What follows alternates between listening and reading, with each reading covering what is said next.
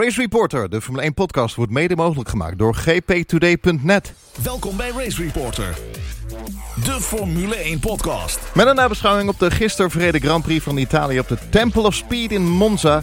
In een krankzinnige wedstrijd pakte Pierre Gasly een verrassende zege. Pierre Gasly is de 109e Grand Prix winnaar in de geschiedenis van de Formule 1. Het was de 80ste zege voor Frankrijk. Gasly is de dertiende Fransman die een Grand Prix wint. Alleen Engeland met 19 Grand Prix, Italië 15 en Amerika met 15 hebben meer verschillende winnaars. Gasly pakte gisteren de eerste Franse zege sinds Olivier Panis in Monaco in 1996. Alfa Tauri pakt zijn tweede zege uit de geschiedenis. Het won als Toro Rosso in 2008, ook op Monza. En het was het eerste podium sinds 2012 zonder Mercedes, Ferrari of Red Bull. Mijn naam is Lucas Degen en ik zit hier in de Race Reporter studio in Haarlem met het niet vaste team. Charles Welving, die is er niet vandaag en daarom schuift Jeroen van Kesteren aan. Jeroen, stel je even voor. Ja, mijn naam is dus uh, Jeroen van Kesteren. Ik ben uh, marketing manager uh, en medeoprichter van, van Trackside Legends. Ik volg de Formule 1 nu al zo'n 20 jaar, denk ik. Even goed alweer, dus ik voel me al Wat was de eerste Grand Prix? De eerste letterlijke Grand Prix weet ik niet meer, maar dat is rond de tijd van uh, Jos Verstappen, zeg maar. Okay. Um, en daarvoor keek ik met mijn vader uh, alleen de starts en daarna ging ik lekker buiten spelen. uh, en dat is eigenlijk steeds meer geworden en dat is nooit meer weggegaan. Dus dat ja, okay. superleuk. Nou, we zijn met drie Jeroens. Ja. ja, en hier is de nummer twee. die kennen jullie inmiddels wel. Jeroen Demmendaal, ik ben schrijver en ik ben ook communicatie-expert en ook grote Formule 1 fan. Mag je al iets vertellen over je boek? Over mijn boek? Nee, mag ik nog niks over vertellen. Ja, ik probeer iedere keer iets los te peuteren, maar gaat nog niet lukken. En ik ben uh, de laatste Jeroen, Jeroen Scholten. en, uh, ben je ook ja. de oudste Jeroen? Ik ben ook de Nou, hier. Ja, ja. ja dat denk ik wel. Ja. Niet in algemene zin. Maar jij kijkt al 100 jaar Formule 1, toch? Uh, 103, ja. Klopt. Goed. Nu, nu Volari, hè? Stond ik voor te juichen vroeger. Toen 1 jouw, eerste, jouw eerste race was die Parijs-Luik uh, in 1896. Ja. Allemaal gezien. Toen had ik nog geen podcast. 96 gaan we het zo over hebben. Wat een geweldige race, jongens. We gaan het hebben over de zege natuurlijk van Pierre Gasly. Carlos Sainz en Lance Stroll op het podium. Als je had gezegd alleen al Lance Stroll op het podium, had, had iedereen je over gek verklaard. Als ik dat in de voorspelling had ge geroepen. Uh, waar ging het fout bij Mercedes? Het zwakke optreden van Valtteri Badmets. En een kleurloos optreden van Red Bull. En een nieuwe afgang van Ferrari. Het wordt uh, met de race leuker. En de luisteraars vragen. Spektakel in Italië. Jeroen Demmendaal, toch wel even jouw tweet aanhalen. Ja. Jij zei iets over 80% was het toch nog een uh, optocht. Ja, kijk, weet je, wat ik, wat ik vind is, uiteraard was het een spektakel gisteren. En dat kwam natuurlijk door die rode vlag. Dat kwam natuurlijk door het feit dat Hamilton een penalty kreeg en opeens van achteren moest beginnen. En dat, het veld werd lekker door elkaar gehusseld. Maar laten we wel wezen, die eerste twintig ronden waren gewoon één uh, optocht. Um, want ja. wat, mij, wat mij nog steeds zorgen baart is het feit dat zelfs op Monza, zelfs op, met al die lange rechte stukken, met uh, de DRS, dat het zo ongelooflijk moeilijk is om in te halen. En om eerlijk te zijn, na de herstart, na de tweede start halverwege, uh, ja, de openingsronde, daar gebeurde inderdaad nogal wat. Maar daarna, op een gegeven moment dat iedereen een beetje gesetteld was, ja, toen werd het ook gewoon weer een optocht. En was het, dan zit heb je wel de extra spanning van, hè, ah, gaat Gasly dit volhouden? Hè? Gaat Sainz hem nog uh, bedreigen? Dus er zat wel meer spanning in. En ik heb wel genoten van de wedstrijd in die zin. Maar um, de Hosanna-stemming als van, oh, nu is opeens de Formule 1 gered en dit was de beste race ooit. Nou, dat gaat mij iets wat te ver, ja. Oké, okay, maar ik vond wel de mooiste race van dit jaar. Nou, ik vond de tweede, ik vond de tweede Silverstone race mooier. Daar, daar, die vond ik leuker. Oké. Okay. Okay. Ja. Uh, qua ja, race technisch vond ik eigenlijk uh, ja, de race niet heel spannend inderdaad. Dus wat Jeroen ook zegt. Uh, maar natuurlijk super gaaf dat, uh, dat Gasly wint. Dat hij op het podium staat. Uh, iedereen gunt het hem ook, denk ik. Uh, ik had het Saints ook gegund, maar uh, ja, Gasly toch nog wel even een, een, stukje meer eigenlijk. Ja, en dan, dan rijst de vraag natuurlijk van hoe goed is Gasly nou eigenlijk? vorig jaar Brazilië een tweede plek. Ik denk dat hij wel echt goed is. Ik denk dat hij ook flink gegroeid is vooral. het is nog geen Max Verstappen niveau. Het is dat vooral, die, die, menta die mentale groei inderdaad die Gasly heeft doorgemaakt. Ja. Ik bedoel, twaalf, jaar, twaalf maanden geleden was hij net ontslagen. Uh, bij Red Bull halverwege het seizoen was hij net een van zijn, beste vrienden veel te vroeg kwijtgeraakt. Um, Ja. dat, doet, dat doet wat met een mens. En topsport is natuurlijk vooral ook gewoon een mentale ehm, eh, eh, oefening. En hij zat natuurlijk in die periode echt eh, in zak en as mentaal gezien. Maar als je ziet hoe, ze- hoe hij zich daar weer uitgevochten heeft en, en hoe sterk hij ook dit seizoen begonnen is. Ehm, ja, ik, ik ben het met je eens, Jeroen. Hij is, eh, hij is heel erg gegroeid. Ik eh, moet wel zeggen, ik kom toch weer met de vergelijking simracen. Dan gaat het, eh, hè. Nou, maar als jij, ja, als jij Monza rijdt en je rijdt aan kop, je Ja. eerste Grand Prix, en je ziet een oranje McLaren achter je, met nog Ja. één seconde te gaan, met nog twee, drie ronden te gaan. Als je dan wint, ben je een goede rijder hoor. Want als je dat op simracen doet, ik heb zo'n spanning. Je zit alleen maar in de spiegel te kijken. Dan word je gek, eigenlijk. Ja, dus dan ga, je, dan ga je ook dingen doen die je niet wil doen, zeg maar. Ja. Maar misschien is het veel makkelijker in het echt dan op simrace. Hè? Dat zou kunnen. Heb je daar wel eens aan gedacht? Dat, dat denk ik wel. dat de ja, druk dan veel wel. lager is. Ja, kijk, dan, dan, dan zie je ook dat, eh, dat rijders fouten maken. En eh, wat hij eh, op dat laatste rechte stuk deed met dat weaven, zeg maar. Dat hij Ja. er dus echt voor zorgt dat, eh dat Sainz ook niet meer in die slipstream komt. Eh, ja, daar moet je gewoon over nadenken. Ehm, Dat had hij geleerd van die doen. andere Fransman, hè? van eh Pagenaud. Die deed hetzelfde vorig jaar op de Indy 500. ja. In de laatste ronde. Wat vind, Jeroen Scholte, wat vind jij ervan? Nou, ik, ik ben het er niet helemaal mee eens dat het niet zo'n leuke race was. Want ik vond het wel een hele leuke race. Ik heb me goed vermaakt. Ik Eh, zei ook het niet dat het geen waar. leuke race was. Nee, ik ben het ook wel met ze eens dat het race technisch, weet je, er waren geen killer moves en al dat soort dingen. Dat viel inderdaad allemaal wel tegen. En van ronde 5, zeg maar, tot en met de ronde 20 was het wat matig.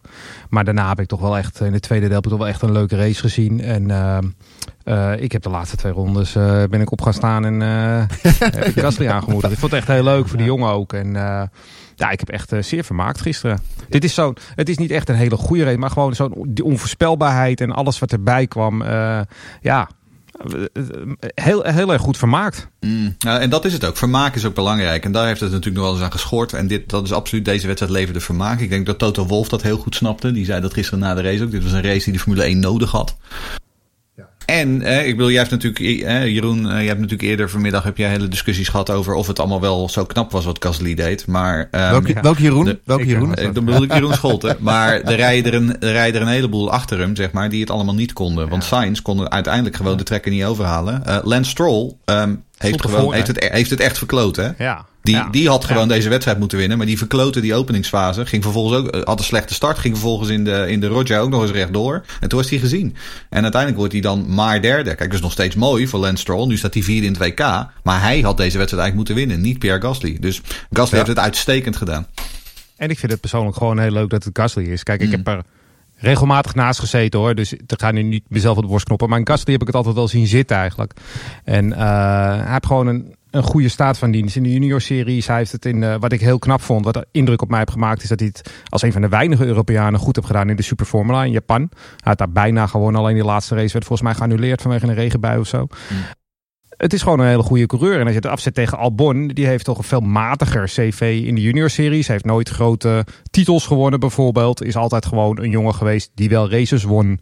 Maar eh, de, de, de titels aan de nog wat betere talenten moest overlaten. Dus uiteindelijk heb ik altijd eh, voor mezelf het idee gehad dat Gasly in, intrinsiek gewoon in aanleg gewoon beter is dan eh, dat Albon dat is. Alleen blijft wel overeind. Hij heeft wel hè, mentaal was hij nog niet toe aan Red Bull.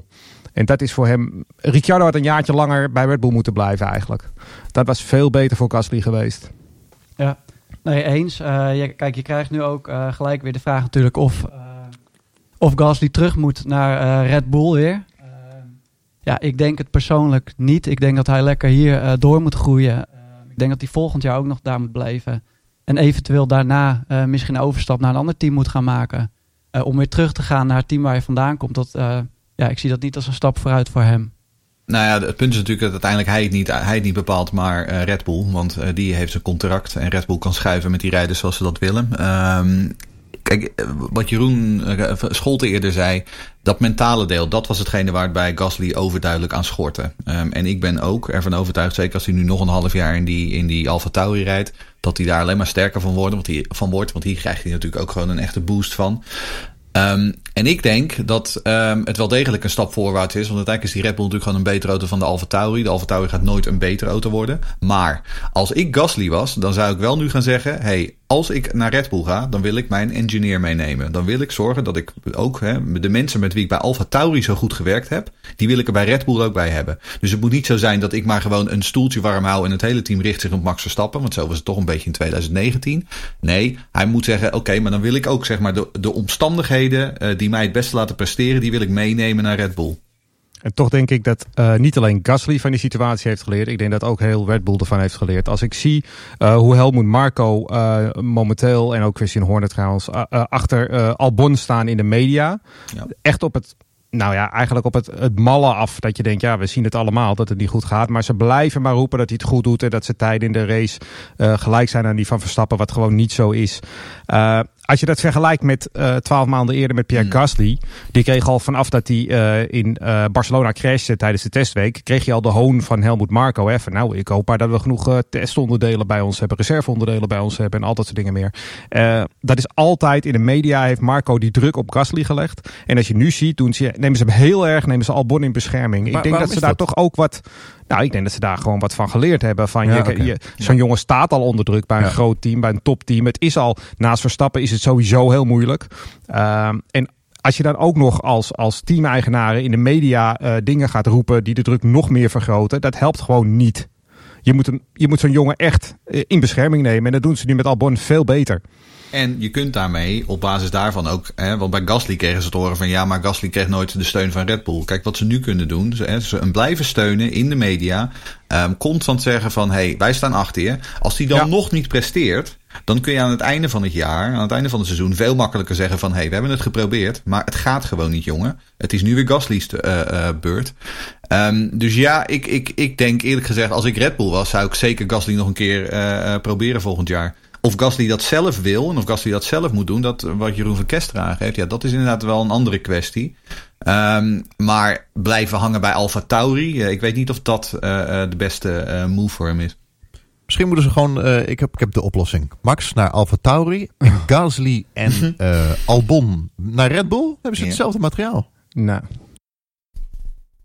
Nick van Ruiven die heeft er ook een vraag over. Ja, is Gasly echt klaar voor een uh, terugkeer bij Red Bull? Uh, ja, dat denk ik wel. Dat is gewoon uh, volmondig. Ja, hij is er nu klaar voor. En uh, nee, hij gaat niet sneller zijn dan Max Verstappen. Maar hij gaat het wel beter doen dan Albon. Het is ook, als hij nu niet, als hij nu niet klaar is, dan wordt hij het nooit. Dan is het gewoon, dan, weet je, dan, dan ja. kun je hem gaan afschrijven. Um, ja, en net ja, als wat klopt. ze destijds met Buemi en met, met, uh, met Alguersuari en al die gasten hebben gedaan. Als het nu niet lukt, dan lukt het gewoon never nooit. Nee, niet. maar niet, wat ik wel wil zeggen, niet halverwege het jaar. Gewoon nee. uh, in de winter, uh, ja. dan overhevelen en klaar. Maar het zijn twee dingen. Is hij, is hij A, snel genoeg om uh, bij Max in de buurt te zitten? En B, is hij een goede tweede rijder bij Red Bull? Dus... Nou, het eerste niet, het eerste niet denk ik. Maar het tweede denk ik wel degelijk dat hij kan. Omdat wat Jeroen eerder al aangaf. Hij heeft natuurlijk gewoon in de juniorklasse alles gewonnen wat je kunt winnen. Ja. Ik bedoel, hij is inderdaad goed in de superformule. Hij heeft gewoon de Formule 2 gewonnen. Uh, heeft hij Formule 3 gewonnen? Dat weet ik uit mijn hoofd even niet. Maar ik bedoel, hij is wel gewoon echt een toptalent. Die gewoon overal kampioenschappen heeft gewonnen. Uh, net als Bottas in principe. Dus, in principe. dus hij zou gewoon een Bottas moeten kunnen worden. Als hij tussen zijn oortjes maar goed, uh, goed zit. Een Bottas. ja. ja, nee, maar ja, mijn vraag is dan eigenlijk van... is het dan niet meer een kampioen? Uh, en in plaats van tweede rijder? Ik, nou ja, ja, aan de andere kant, maar ik denk dat, weet je, Red Bull heeft zich gericht op Max Verstappen. Hè? Die, die heeft een zesjarig contract, of wat het ook is.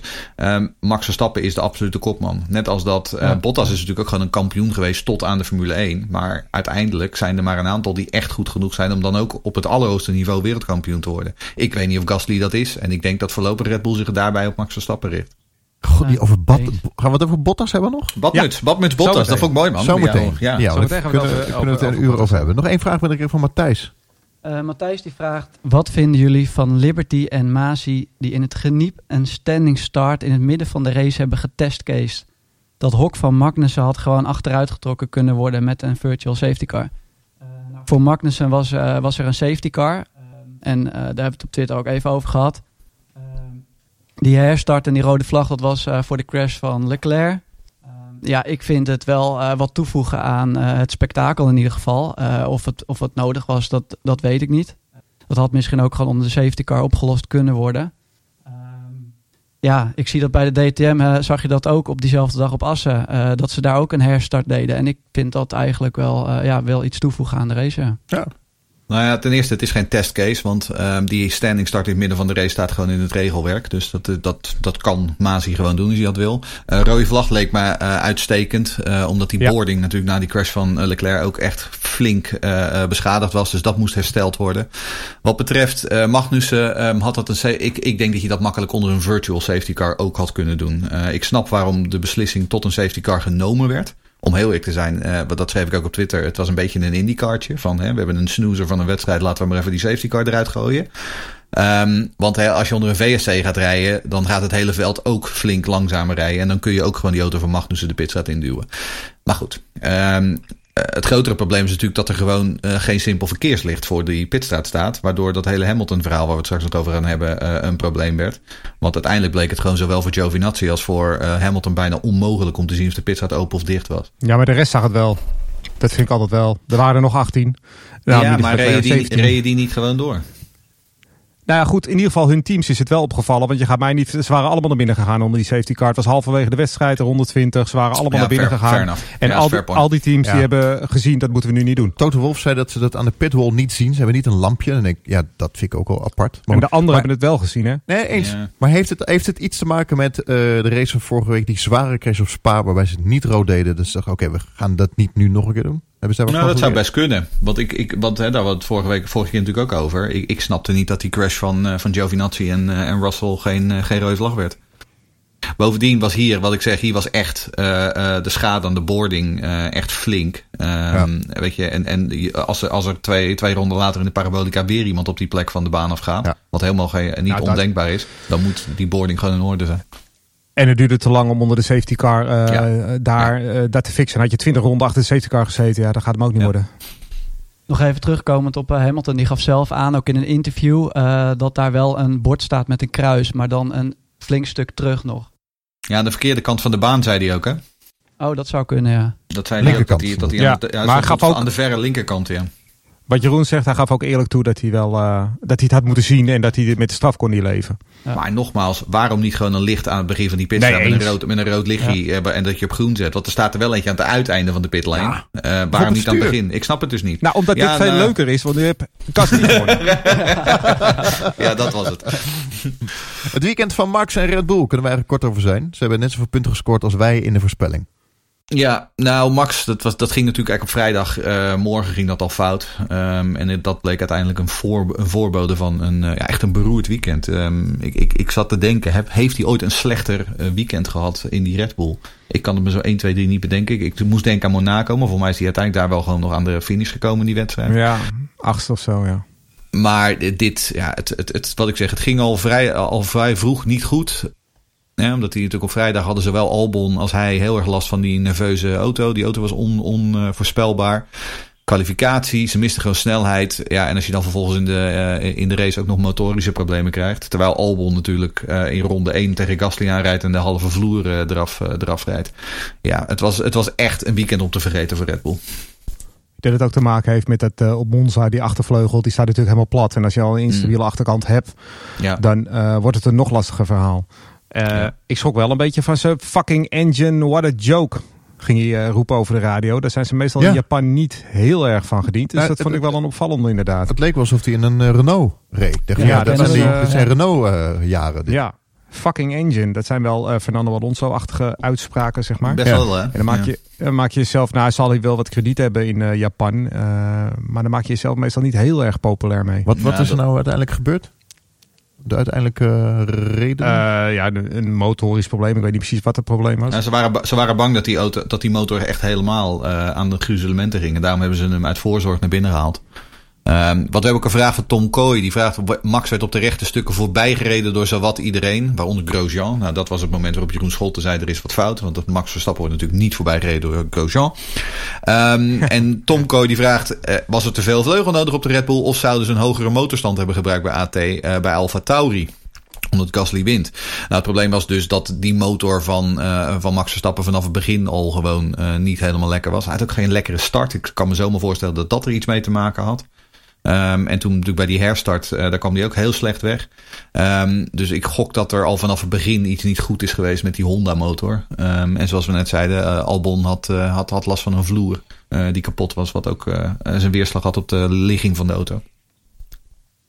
Vraag binnengekregen nog van Rubberen, rubberen Is het die tijd om de keuzes en adviezen van dokter Helmoet Marco eens te evalueren? Lijkt er met zijn uitspraken op dat hij er steeds minder aan zit. Mijn indruk is dat eh, Red Bull steeds minder snel ontwikkelt en McLaren er volgend jaar ook echt voorbij zal zijn met de Mercedes motor.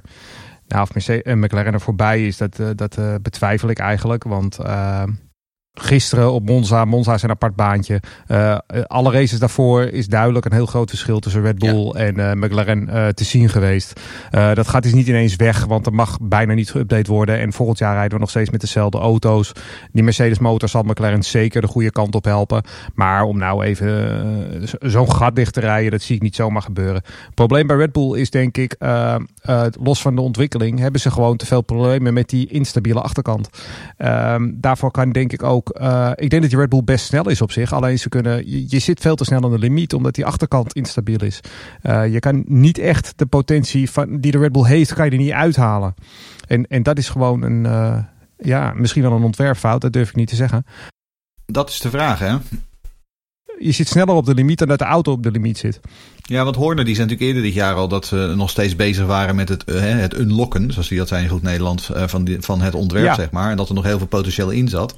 Um, ik heb niet echt het idee dat dat daadwerkelijk gebeurt. Um, en, en of nee. dat dan te maken is inderdaad doordat ze inderdaad uh, met die achterkant er maar niet uitkomen. He, dat, zeg maar, dat je stap 1 zeg maar, constant maar niet op kan lossen. Waardoor je ook stap 2 en stap 3 niet kunt nemen. Um, dus ja, dat is, wel, het, dat is wel zorgwekkend. Maar inderdaad verder, ik bedoel, Red Bull is afgetekend, het tweede team. Um, en McLaren zat daar echt ja, nog wel een, hele, een heel stuk achter hoor. Race Reporter, de Formule 1 podcast. Racereporter.nl Toch even een vraagje complottheorietje tussendoor. Dat oh, heb ik ongetwijfeld meegekregen. Het verhaal Mercedes-Renault. Ja. Dat uh, Renault zich heeft teruggetrokken. In ruil voor data van Mercedes. Ja, dat verhaal heb ik ook gehoord. Ja, want de ja. McLaren's gingen wel uh, knijten hard weer. Of weer, kijk, uh, vorige Maar Renault niet, hè? Nee. maar ja. Renault heeft wel, uh, want ze hadden als doel wilden ze, had ook gewoon gezegd, ze wilden Red Bull verslaan. Dat is gelukt. Ja. Oké. Okay. Ze hebben Red Bull verslagen. Alleen nog een heleboel andere teams hebben Red Bull ook verslagen. Nou goed. Ja, blijft, een, blijft een complotje dan. We gaan het ja, de, de komende Grand Prix wel zien. Geen idee. Uh, nee, ja, geen idee. Nee. Ik weet het niet, maar ik weet dat Honda in het verleden ook wel geholpen is door Mercedes hier en daar. Dus dat zal echt wel uh, kunnen gebeuren, ja. ja. Maar volgens mij heeft het meer te maken met uh, uh, het nieuwe Concorde Agreement. Ferrari heeft nu ook zijn aanklachten gedropt. ik denk dat het daar veel meer mee te maken heeft met de regels voor volgend jaar ook. Dat het kopiëren niet meer kan en al dat soort dingen meer. Ja. En Racing Point heeft uiteindelijk gewoon die 400.000 boete betaald. Gaat ook niet meer in, gaat ook niet meer klagen daarover. Dus ja. ja. Goed. Nog een vraag binnengekregen van Maarten Eversen. Ja, Maarten die vraagt: uh, Monza is geen Red Bull circuit of Max Verstappen baan. Maar dit jaar was de uh, RB echt enorm slecht. Waarom ligt het volgens jullie? En staan ze er de volgende races weer bij? En als laatste kan Max die natte krant van een Bottas nog inhalen in het WK. uh, nou ja, volgens mij hebben jullie net al een beetje antwoord gegeven op waarom de Red Bull niet, niet presteert. Ik denk dat het op Monza wel extreem was. en dat ze er volgende race wel weer beter bij zitten ja, gaat Max Bottas nog inhalen? Uh, ik denk het wel en ik hoop het wel. Hij is natuurlijk afgelopen race pas uh, gezakt. Ja, dus ik denk, ik denk dat hij hem nog wel in gaat halen. Wat ik overigens trouwens wel, dat moet ik wel nog even zeggen over Red Bull. Um, na de wedstrijd je mediasessie cancelen vond ik wel een beetje een zwaktebod, om heel eerlijk te zijn. Ja, um, ja, ik ja, bedoel, ja, hè, in goede tijden uh, zijn de media ervoor je om met je te praten. In slechte tijden moet je dan ook gewoon uh, achter de présence geven en niet twee uur van tevoren uh, gewoon de stekker eruit trekken. Uh, vind, vond ik een beetje jammer. Toto Wolf deed dat uh, beter eigenlijk. Ja, die feliciteerde ook uh, Gasly. En, uh, ja, absoluut. Die zei ook weer goed, kijk naar het podium. diversiteit, nieuwe gezichten op het podium. Fantastisch. Ja, en dan kun je zeggen van hij kan het zich makkelijk veroorloven. En dat is ook zo. maar hij doet het wel. Dus, ja, ja. eens. Nou, Red Bull kan het zich ook veroorloven. Dus... Ja, toch. Nou goed, tot zover het weekend uh, Red Bull en Max. We gaan door. De problemen bij Mercedes, we hadden het al over. Uh, Valtteri Badmus, wat een vreselijke poep eerste ronde had hij. Nou, dat. Want En dan gaan mekkeren, mekkeren, ik heb een lekker band. Nee. nee, hij deed het Nee. verkeerd. Ik heb, Och, ik heb vanochtend was- nog eventjes die eerste ronde slecht. teruggekeken. Want ik dacht ook, nou, er ligt... eh, van origine zie je zoveel gebeuren met die start en zie je niet altijd alles. Maar ik dacht, hij heeft gewoon een hele slechte start. En daardoor ligt hij ineens zesde. Maar hij lag pas zes aan het einde van die ronde. Daarom. Maar bij de eerste bocht lag hij gewoon derde. Ja. Hij, En- hij reed als een wereldkampioen die Ja. in zijn laatste race rijdt en voorzichtig moet rijden omdat hij nog kampioen kan worden. Nou ja, goed, dat Zo deed, hij, eh, dat deed hij deels inderdaad. Maar het was ook gewoon weer een gebrek aan racecraft. Want kijk, die slechte start, dat kan. En dan word je Kan, ingehaald door dat kan gebeuren. Dan ga je eh de eerste chicane door. En dan ga je op de Rotja af, de tweede chicane. En eh, daar gaat Norris aan je buitenkant. En die doet dat, ja, remde heel erg laat. Eh, Bottas die heeft in zijn hoofd zitten, wat niet zo is trouwens, een misvatting. Maar hij heeft in zijn hoofd zitten dat hij voor de WK strijdt. Ja. Dus eh, die laat daar Norris een beetje gaan. Daar kan ik me nog enigszins bij voorstellen. Maar daarna gaat hij echt in de fout. Dan gaat hij op Lesmo 1 af. Dat gaat nog goed. En dan gaat hij op Lesmo 2 af. En wat doet hij bij Lesmo 2? Dan kruipt hij in de kont van Norris. Dan gaat hij Lesmo 2 in. Ja, dan ga je dus... eh, je, je mist eh, druk op je voorvleugel. Je gaat wijd. eh, weinig tractie. Eh, geen grip. En dan komt het hele lange rechte stuk eh, naar Ascari toe. En dan krijg je dus eh, zowel Perez als Ricciardo die jou inhaalt. En dan gaat hij zeggen, volgens mij heb ik een puncture. Nee, je zit te dicht op je voorganger. En dan kun je Lesmo niet nemen. Ik vind het wel grappig dat ik hoor jou praten alsof je simracet en jouw zoontje heeft een race stuur. Dus volgens Ja. mij ben je veel te simracen. Nee, ik heb informatie ingewonnen bij mijn zoontje. En die heeft maar mij je- dit verteld. Van je papa, hij gelijk. doet het verkeerd in Ja, die je- lesmo. ja, maar je hebt serieus echt gelijk. Want het is wat een poeper nou, dat is het gewoon. Dat is het Ik heb gewoon. hard Hij- praten natuurlijk. Maar. Nou ja, je moet je... Als je een circuit hebt als Monza, dan moet je je vooral richten op de exits van een bocht waar zo'n heel lang rechtstuk achter komt.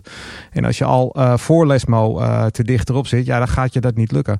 Het is gewoon een beginnersfout. Het is echt een beginnersfout. En vervolgens komt hij dus als zesde over de streep, in plaats van dat hij als derde over de streep was gekomen na de eerste ronde dan. Hè? Nou, hij laat zich gewoon overrompelen. Door, Ja. door een paar jonge honden. Want de manier, om eerlijk te zijn, de manier waarop Norris hem buitenom inhaalt in de Roja, daar stond ik wel echt van te kijken. Dan dacht ik, jongen, jongen, je laat je echt de kaas van het brood eten hier. En dan kun je honderd keer in de Mercedes zitten. Maar ehm, weet Nee, je, eens. dat compenseert niet voor een gebrek aan racecraft. En dit was echt, ik stond er echt van te kijken, echt heel zwak. We gaan het even hebben over de party mode. Eenvoudige pol zonder party mode. Had het nut, denk je?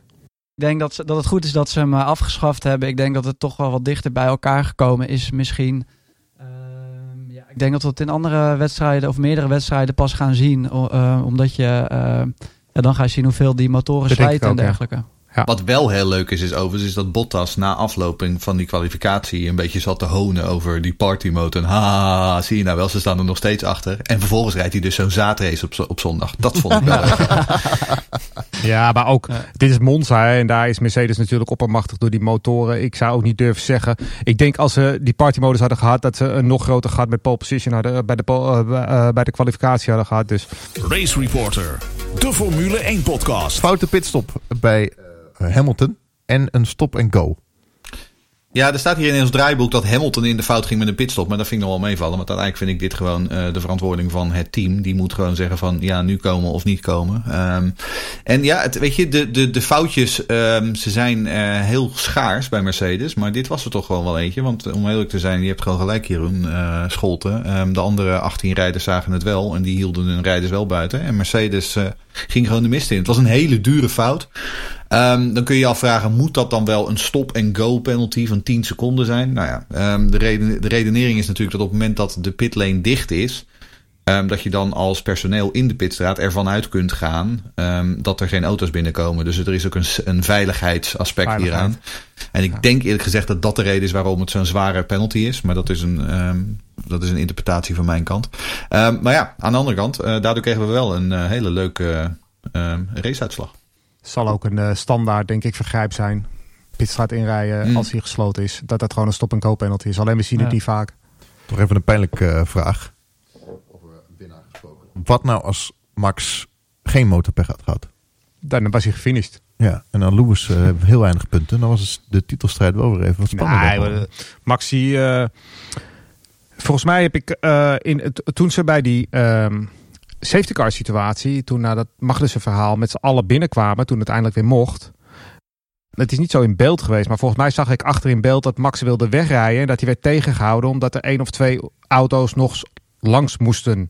En dan zou hij een safe release hebben gehad. Volgens mij heb ik dat toen gezien. En daardoor viel hij al terug. En daar startte uiteindelijk die tweede race volgens mij als P11. Dus het werd al moeilijk, hè? Maar het was een mooie, mooie overwinning. Mooi podium, titelstrijd. Uh, Lance Stroll, jawel, staat vierde in het WK. Ik denk niet dat hij dat gaat, uh, dat hij dat gaat behouden. Uh, natuurlijk Niet? hartstikke mooi voor hem dat hij, Nou, hij gaat voor de derde komt. plek, bedoel je? Hij gaat voor die, tweede, voor die derde plek van Bottas, denk ik. Ja, precies. Misschien lukt dat hem nog. Maar goed, Verstappen en Bottas hadden hier eh, punten kunnen scoren. Dat laten ze liggen. Ja, dat is, eh, dat is gewoon zonde. En ik denk dat ze dat volgende race eh, wel weer op gaan pakken. Eh, en ik verwacht ja, Verstappen dan wel weer voor, voor Bottas. Ja, verder hebben we Hamilton, die loopt natuurlijk enorm uit. Dat is eigenlijk al een eh, gestreden strijd. Kijk, Hamilton, eh, die staat nu op 164 punten. Dus eh, ja, die staat gewoon zo ver voor. Dat is, ja, het is nog wel in te halen, maar realistisch gezien is er niemand die dat gaat doen. Bottas tweede op 117 punten. Verstappen daarachter op 110. Stroll op 57, gelijk met Norris. Albon 48 punten. Dan Leclerc, Gasly, Sainz, Ricciardo. Ja. Nou, dat hè. Eh Saints vooral hè. Die Ja. staat eh, out of eh, order, zeg maar. Want die hoort veel hoger te staan. Die heeft een paar pechgevalletjes gehad. Maar als je hem volgt, hij is eigenlijk structureel in races sneller dan eh Lando Norris. Mm. Ja, maar hij is natuurlijk één race al niet gestart. En hij is natuurlijk een keertje uitgevallen ook. Ja. Ehm, Ja. Norris is wel Die iets, staat iets constanter qua aan de finish komen. Ehm, ik vind vooral ook wel verbrand als je Gasly en Kwiat naast elkaar zet. Ik geloof dat Kwiat twee punten heeft en Gasly heeft er 43. Ik bedoel dat we echt gewoon... Echt, Ja. Nou zitten daar wel 25 punten van een overwinning bij. Maar Gasly laat wel even, nog even duidelijk zien wie er toch echt wel gewoon de sterkste van die twee is.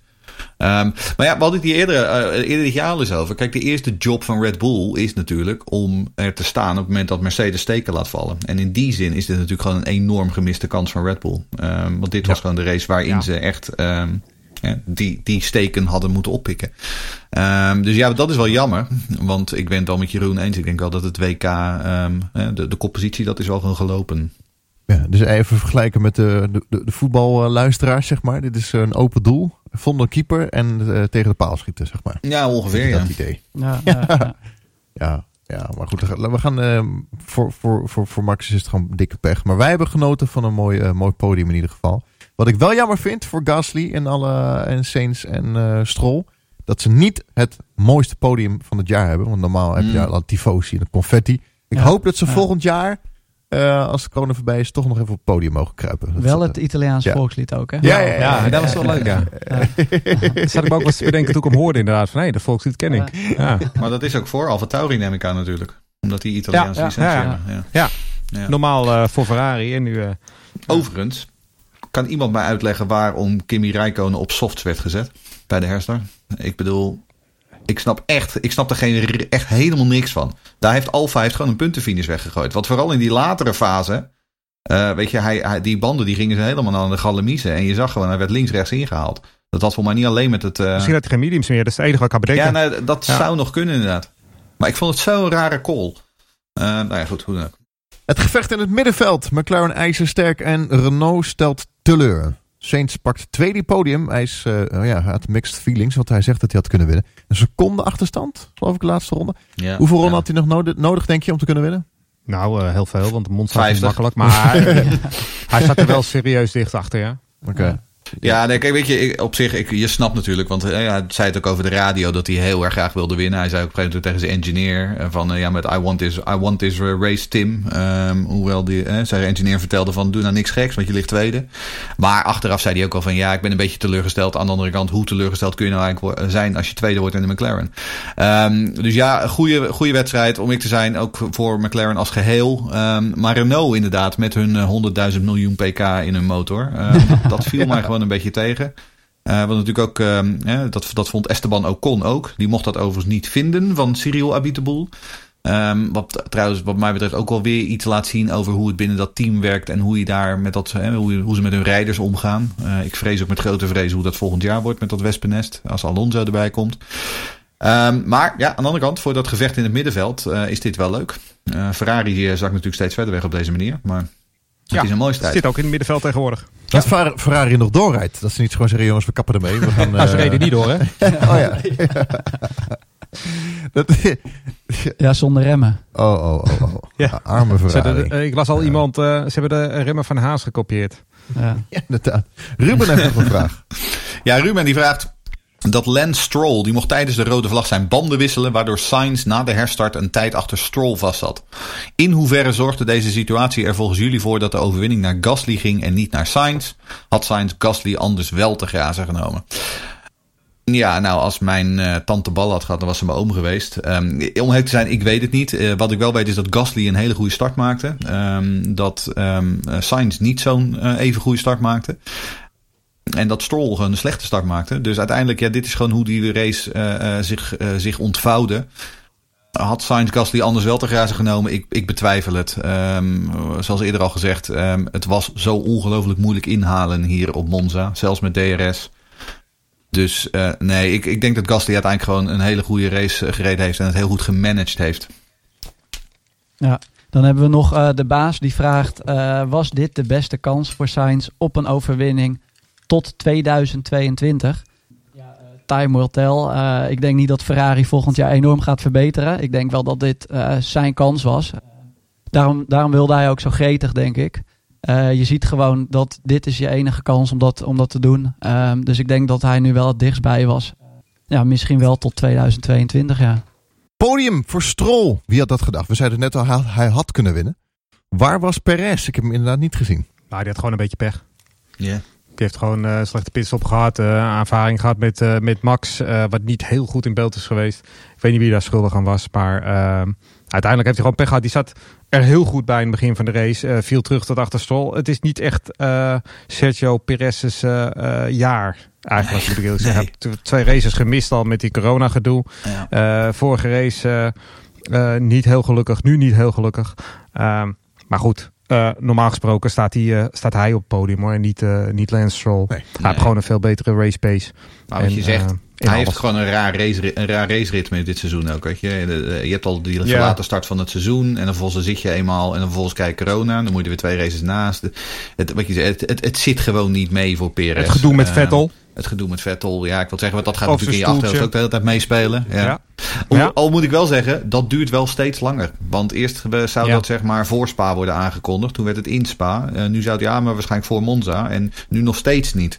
Ehm, en die verhalen dat eh eh, Perez met een extra 10 miljoen dollar eh, eh, over, de, over de bank eh, of over de ehm, toonbank gekomen is. Misschien dat dat toch wel gewoon het geval is. En dat ze gewoon allebei blijven volgend jaar bij Aston Martin. Nou, who knows? Grote plannen voor Renault. We gaan Red Bull aanvallen. Nou, het is er gelukt, maar niet helemaal volgens plan. Nou, het, maar dat is wel een beetje ook altijd wat een beetje gek is aan Formule 1. Eh, dan wil je. eh, of dan ga je in ieder geval op Spa goed. En dan met name sectie, eh, eh, sector 1 en sector 3. Ehm, sector 2 is natuurlijk het bochtige deel. Maar dat heb je op Monza niet. Dus dan denk je, nou, als je in sector 1 sector 3, dan ga je het hier ook wel heel goed doen. Maar eigenlijk, ja, ze hebben op zich wel dubbele punten finish 6 en 8. Maar ehm, nee, eigenlijk viel het wel tegen. Eigenlijk hadden ze niet echt de snelheid om aan te vallen vooraan. Ehm, ik had er meer van verwacht. En dit, dat is dan toch wel weer het onvoorspelbare van de Formule 1. Want je moet net even wat minder vleugel en je hebt net even een iets andere setup. En ineens doe je niet meer mee vooraan. Dit is het circuit waar de vleugels het, het plat staan. Eh, Veruit het plat. Ja, Ja. Je hebt DRS bijvoorbeeld veruit het minste. Dus de motor is het effect. belangrijkst. Ja. Maar hoe ver, hoe, in hoeveel, laten we in procenten praten, in hoeveel procent is hier de aerodynamica van de auto belangrijk op het, het rechte stuk? Is dat 10%? Is dat 30%? Maakt dat helemaal niet meer uit? In procenten zou ik het niet durven zeggen, maar het is Oeh, wel. weet ik ook niet. Nee, maar, want ik vraag het omdat de McLaren het wel goed doet, maar de Renault niet. Dus waar gaat het dan bij Ja, Renault? maar dat heeft ook met efficiency te maken, hè, met drag wat je, wat je hebt ten opzichte van je motor. Ja, Eh, dat, dat bedoel ik. die, die, die Ferrari, waar ze nu eh, dit jaar heel veel last van hebben, die heeft te veel drag. En die heeft op de rechte stukken daar te veel last van. En daarom zie je zelfs dat eh Alfa Romeo en Haas bij tijd en wijle gewoon sneller zijn. ja. dat heeft ook met de efficiëntie van je wagen te maken. Ja, oftewel de aerodynamica van de Renault is gewoon crap. Ja, twee auto's met exact dezelfde motor zijn nooit allemaal het snelst. Maar, Of zijn nooit even snel, bedoel ik. maar, Er zit altijd McLaren- verschil tussen. Die En dat- McLaren, die McLaren lijkt wel gewoon beter te werken. Eh, ja, eigenlijk op alle circuits. Ja. Nou, op Spa dan uitgezonderd. Op Spa was het dan niet zo. Maar voor de rest, eigenlijk op alle circuits is die McLaren gewoon efficiënter dan eh, de Renault. En dat was vroeger bij Red Bull ook al zo. Dus Renault heeft nog steeds wel, of Alpine, hè, Alpine, heeft, eh, heeft nog steeds wel een, eh, een uitdaging als het gaat om het bouwen van goede auto's. Moet ik wel zeggen dat McLaren heeft met James Key wel een hele goede ontwerper aangetrokken. Hè? Die is natuurlijk vorig jaar Ja. volgens mij overgekomen. Ja. En eh, die heeft het daar wel goed voor elkaar. Goede ontwerper altijd geweest bij Toro Rosso nog. Race Reporter. De Formule 1 podcast. Vraag ben ik even van René Oudman. Aangezien het hier regent van de Gasly's en Verstappen vragen, gooi ik het over een andere boeg. Wat denken jullie van de boordradio boodschap aan het adres van Ocon zo kort na de finish? Goed om hem stil te houden of apart en hem zo de mond snoeren? Nou, ik vind het sowieso heel jammer dat ze hem de mond snoeren. Ja, was een akkefietje na afloop van de race inderdaad. Dat uh, zijn engineer hem uh, feliciteerde met een goed resultaat voor het team. En dat hij eigenlijk zelfs meteen al zei, nou, I, disagree. Ik ben het niet mee eens. We hebben een kans laten liggen waar we vooraan moeten zitten. En toen zei zijn engineer nogmaals van, joh, even niet over de radio. En toen, kwam, toen ging hij toch weer wat zeggen. En toen kwam Abiet de Boel eroverheen. En die zei, niet hier. En um, ik, ja, uh, wat ik ervan vind, het is een coureur. Uh, Ocon is er sowieso eentje met een temperamentje natuurlijk. Uh, ik denk dat hij gelijk heeft. Ik denk dat Renault een hele grote kans op laten liggen. Ik vind het uh, van een fabrieksteam als Renault... vind ik het heel bijzonder dat ze dus blijkbaar tevreden zijn met een zesde en achtste plek hier. zeker als je het malle raceverloop ziet dat de Red Bulls en de Mercedes'en voor je weg zijn gevallen. je klantenteam met twee auto's weer voor je staat. Uh, dan vind ik het een hele rare reactie dat je dan zegt van joh, gefeliciteerd en we zijn zo blij, wat een goede puntenfinish. Ik denk inderdaad, uh, en dan zie ik in Ocon veel meer een winnaarsmentaliteit dan bij zijn teameigenaar of uh, zijn teambaas. dat hij zegt van ja jongens, dit is gewoon niet goed. Maar het is wel een apart moment om dan die discussie aan te gaan, denk ik. Maar goed, ik snap het wel. In, uh, dat ben ik een beetje eens. Ik snap dat een teambaas het liever binnen boord houdt. Uh, maar ja, aan de andere kant, dit is sport, dit is emotie. Uh, ja, oké, okay, eens. Ja, er is de vaak discussie, moeten we al die boordradio's nog wel willen horen? Want we ja. hebben ook een tijdje gehad dat we Vettel heel veel hoorden, maar andere, alle andere rijders niet. Waardoor Vettel best wel in een negatief daglicht kwam te staan met uh, I have a message for Charlie. ja, het is, ja, ik het denk is... dat het wel wat toevoegt aan, aan de ja, tuurlijk, race. Tuurlijk, uh, maar ja, wie bepaalt absoluut. wat we, wat we horen? Het is ja, de, lastig verhaal, denk ik. Ja, de, de directie, zeg maar. De, ja. De regisseur. De regisseur, Wat, wat veel erger is, is, is, is die klapper van, van Leclerc, hè? Zo. Dat, dat zat Ja. op- eh, eerst dacht ik nog even, Zo. dit is een mechanisch probleem. Maar dit was hem gewoon, eh, ja, je kan het een rijdersfout noemen. Dat was het ook uiteindelijk. Maar dat heeft heel veel te maken met hoe, hoe moeilijk die Ferrari te besturen is. Hè? Want hij Ja. vangt hem op een gegeven moment op en hij raakt hem alsnog kwijt. Ja. Dus echt weer een en het was met een klap. Zo. Want het, was, het, was, het had niet te maken met de achterremmen. Het was geen ge- vergelijkbaar Nee. probleem als wat Vettel had. Nou ja, hij nam ook, eh, dat doet hij trouwens altijd. Leclerc nam volledig de schuld op zichzelf. Mm. Maar het is wel een typisch gevalletje van die auto's. In de Mercedes was het hem niet overkomen. Dan, dan gaat hij er daar niet af. Die auto die klopt gewoon niet, Nee. die Ferrari. Laat ook wel weer, laat ook, laat ook wel weer zien hoe ongelooflijk sterk die auto's zijn hè, tegenwoordig. Ehm, Zo. Dat, eh, dat, dat hij er toch gewoon klap, vrij makkelijk toch wel weer gewoon weer uitstapt uiteindelijk. En gewoon geen schrammetje heeft. Dat vind ik dan toch wel fijn. zelfs, hè? Ja. Deed mij denken aan eh, eh, Schumacher, Silverstone, gebroken been toen. En een paar andere crashes. Ja, dat is ook zo'n frontaaltje. Bertie, Bertie met eh, Irvine op Ja, Spa. op Spa. Ook Ja. Een flinke Ja. klapper. Ja. Maar toch hoor, inderdaad wat je zegt Jeroen uh, Demmenau. Blij dat hij uitstapt. En, eh, Nou ja, en sowieso, ik bedoel Ferrari algemeen. Hè? Ik bedoel, waar gaat dit eindigen? Begin ik me inmiddels een beetje af te vragen. Eh, ze start, eh, in Spanje Heel was het gewoon een, een, echt een waardeloos eh, weekend. Volgens hier, ze starten op Monza als dertiende en zeventiende. Ik bedoel, zelfs, Alber, Ja. zelfs Alboreto en Johansson hebben dat in de jaren, midden jaren Ja, maar, 80 nooit hey. voor elkaar gekregen. Dit is echt... Volgende week is een groot Ferrari-feest, hè? Ja, Volgende week, groot Ferrari-feest. Duizendste race. Ja, lekker met al die midden snelle en eh, snelle bochten daar. Ja, dat gaat goed hoor met die achterkant. maar dat een Formule 1 coureur, een Ferrari Formule 1 coureur, gedoucht en wel, in de laatste bocht, kan gaan kijken in de kwalificatie naar hoe andere auto's... Voor de polvechten, ja. Dat, is, dat, dat, dat heb je toch ja. nog nooit gezien. Moet je denken dat Ayrton Senna of, of een Alain Prost of een...